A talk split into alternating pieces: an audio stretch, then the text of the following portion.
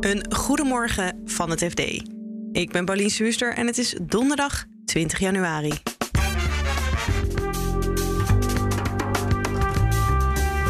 De dag dat de aflevering van Boos verschijnt over de misstanden bij The Voice of Holland.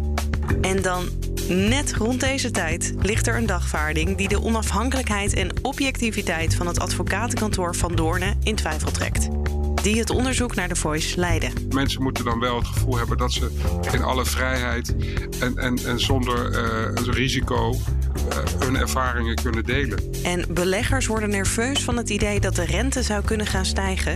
Nu de Duitse tienjaarsrente voor het eerst sinds 2019 positief is. Tijd van gratis geld is misschien wel voorbij.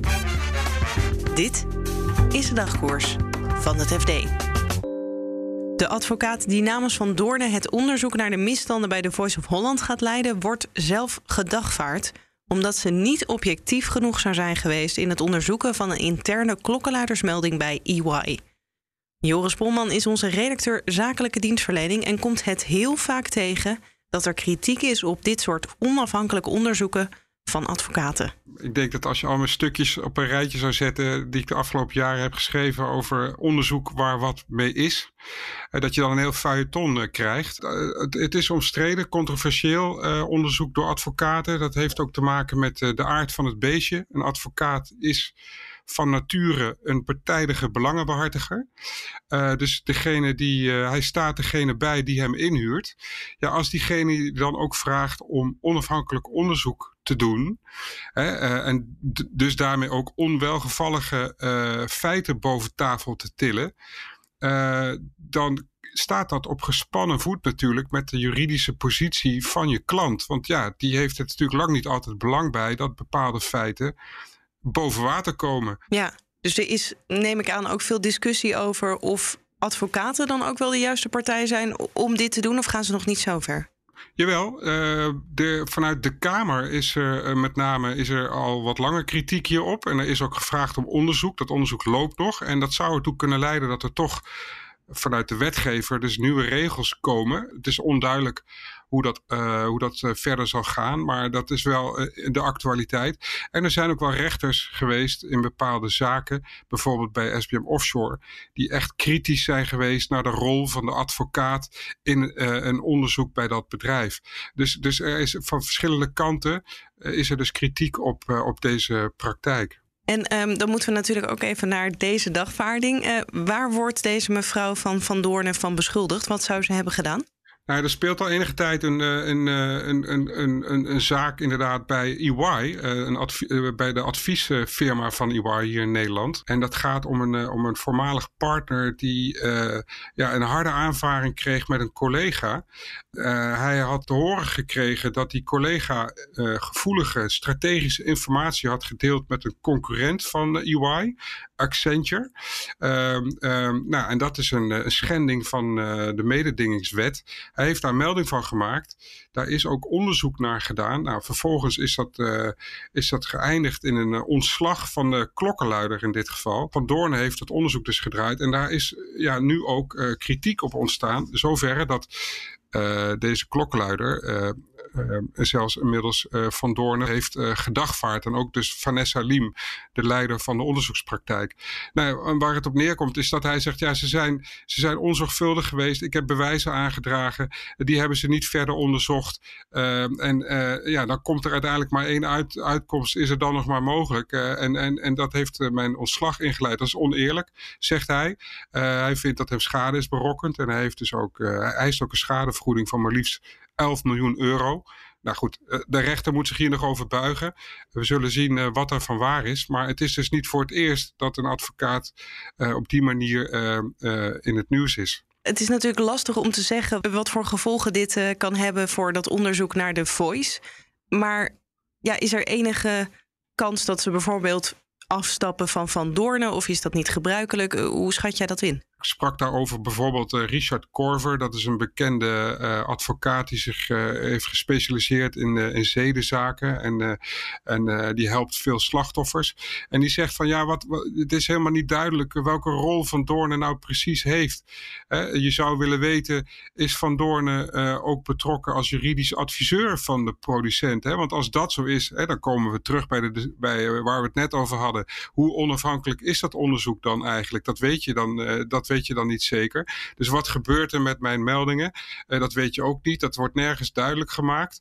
Um, en hij zegt, ja, ik zou als ik uh, slachtoffer was van, van de misstanden bij de Voice, zou ik niet naar dit meldpunt van Van Doornen gaan. Maar zou ik toch maar liever naar het Openbaar Ministerie of naar de politie gaan. Of zelfs een heel ander meldpunt van, van de Belangenvereniging van Acteurs geeft hij aan als, als een goed voorbeeld van waar je dan naartoe zou kunnen. Want hij zegt, ja, het, beeld ontstaat nu toch een beetje van een slager die zijn eigen vlees keurt. Omdat we gewoon niet weten hoe de vork in dit geval in de, in de steel zit. Nou, ik heb dat natuurlijk gevraagd bij Van Doornen. Hoe zit dat dan precies? Wat vinden jullie van die kritiek? Ik heb daar geen reactie op gekregen. Wat je kunt zeggen over ITV, de club die uh, Van Doornen heeft inge, ingehuurd. Ja, op zichzelf opereren die wel uh, volgens het boekje. Het is heel gebruikelijk dat bedrijven experts inhuren om onderzoek te doen. Dat kan ook best wel een advocaat zijn, mits daar duidelijke waarborgen zijn, mits er een scheiding is tussen de rol als, uh, als adviserend uh, advocaat en onderzoekend advocaat. Maar ja, dat is dus allemaal niet duidelijk. Uh, en daar heeft Corver kritiek op. En ik denk dat, dat, dat dat terecht is. Nou, het zou kunnen dat Van Doornen misschien daar toch nog duidelijkheid over zal geven, of ITV. Op dit moment is dat niet het geval. Ja, en, en dan blijven deze vragen dus, uh, dus bestaan. En, en dat, roept, ja, dat lijkt mij niet in het belang uiteindelijk van de waarheidsvinding rondom de voice. Hè? We, we, willen weten wat er is gebeurd. Mensen moeten dan wel het gevoel hebben dat ze in alle vrijheid en, en, en zonder uh, risico hun ervaringen kunnen delen. Dankjewel, Joris. Graag gedaan. Voor het eerst sinds 2019 is de rente op de 10-jarige Duitse staatslening weer positief. En daar worden beleggers nerveus van. De stijgende rente leidt tot onrust op de financiële markten. Joost van Kuppenveld, om maar gelijk eh, met de deur in huis te vallen. Kunnen we afscheid nemen van het tijdperk van de lage rente? Nou, nog niet helemaal afscheid nemen, maar de tijd van gratis geld is misschien wel voorbij.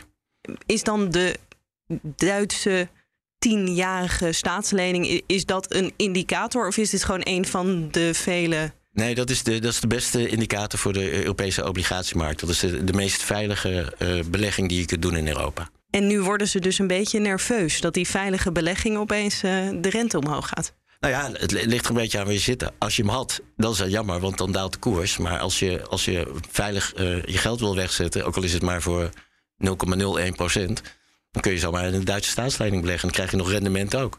Is het dan dat zij nu zien, oké, uh, deze indicator gaat op groen of of rood, hoe je er uh, tegenaan kijkt.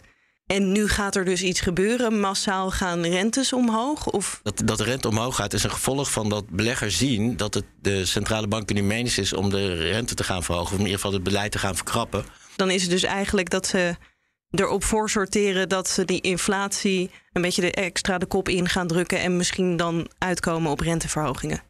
Uh, ja, ja dat, dat is zo, want de inflatieverwachtingen die gaan omhoog dat, dat betekent dus uh, waarschijnlijk dus ook de inflatie daarmee omhoog gaat. En dat de centrale banken dus daar, uh, daar op de rem gaan staan. En dat gaan ze eigenlijk uh, doen vanwege dat naast dat de economie krachtiger stelt, lopen ook de, uh, de loonstijgingen op. En ING verwacht bijvoorbeeld, dat kon je vanochtend in de krant lezen, die verwacht dat de loonstijging in de eurozone 3 tot 3,5 procent volgend jaar gaat uh, bedragen. En dat betekent dat, uh, dat daardoor ook de prijzen omhoog zullen gaan. En dat betekent dus dat, dat, dat de ECB op de rem moet gaan trappen, want ze hebben een doelstelling van 2 procent. En als die inflatie rond die 2 procent hangt, dan heeft het verder geen zin om de economie te stimuleren. Dus dan moeten ze naar een wat meer neutrale rente. Ja. En die is hoger valt hier een kip of een ei te ontdekken? Want is het nou dat de aandelenmarkten reageren op wat de centrale banken doen? Of moeten de centrale banken nu straks reageren omdat de aandelenmarkten ook een beetje nerveus worden? Nou ja, dat is natuurlijk wel de complottheorie. dat, dat, zeg maar, dat je altijd in aandelen kunt kopen kunt, kunt zitten, omdat de centrale banken de markt toch wel redden als het misgaat. Ja. Maar in, in dit geval volgt de aandelenmarkt de centrale bank. Ze hebben wel beloofd om opkoopprogramma's te gaan afbouwen, maar echt renteverhoging ja, Amerika, denk ik. Nou, ze hebben het nog niet beloofd, maar ze denken zelf, want uh, in Amerika worden dus uh, de individuele renteverwachtingen van de beleidsmakers die worden gepubliceerd. En die zien daar volgend jaar drie, drie verhogingen komen. Ja. Dus dat is, ja, dat, is, dat is impliciet, maar het is wel zo. En dat ING-onderzoek waar jij het over hebt, daar zeggen ze dan. De ECB komt dan misschien ook met renteverhogingen. Ja, vrij snel, maar vrij snel in bankierstaal. Vrij snel voor, de, voor ECB-begrippen, want die, die, die handelt over het algemeen vrij langzaam. En uh, nou ja, volgend jaar zijn ze eerst bezig met uh, het noodprogramma uh, af te bouwen. Dat, dat, dat ja. duurt tot maart, of dat is dit jaar eigenlijk al. Dat is dit jaar, we zijn in 2022. Gisteren steeds een jaartal.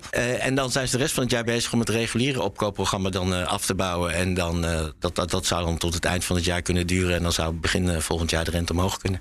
Maar dan hebben we het over 10 basispunten of zo.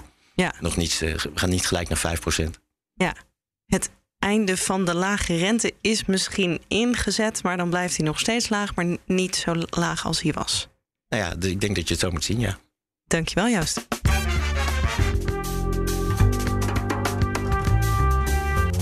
Dit was de dagkoers van het FD.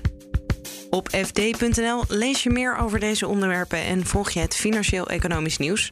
Morgenochtend is dagkoers weer te vinden in je favoriete podcast-app. Een hele fijne dag en tot morgen.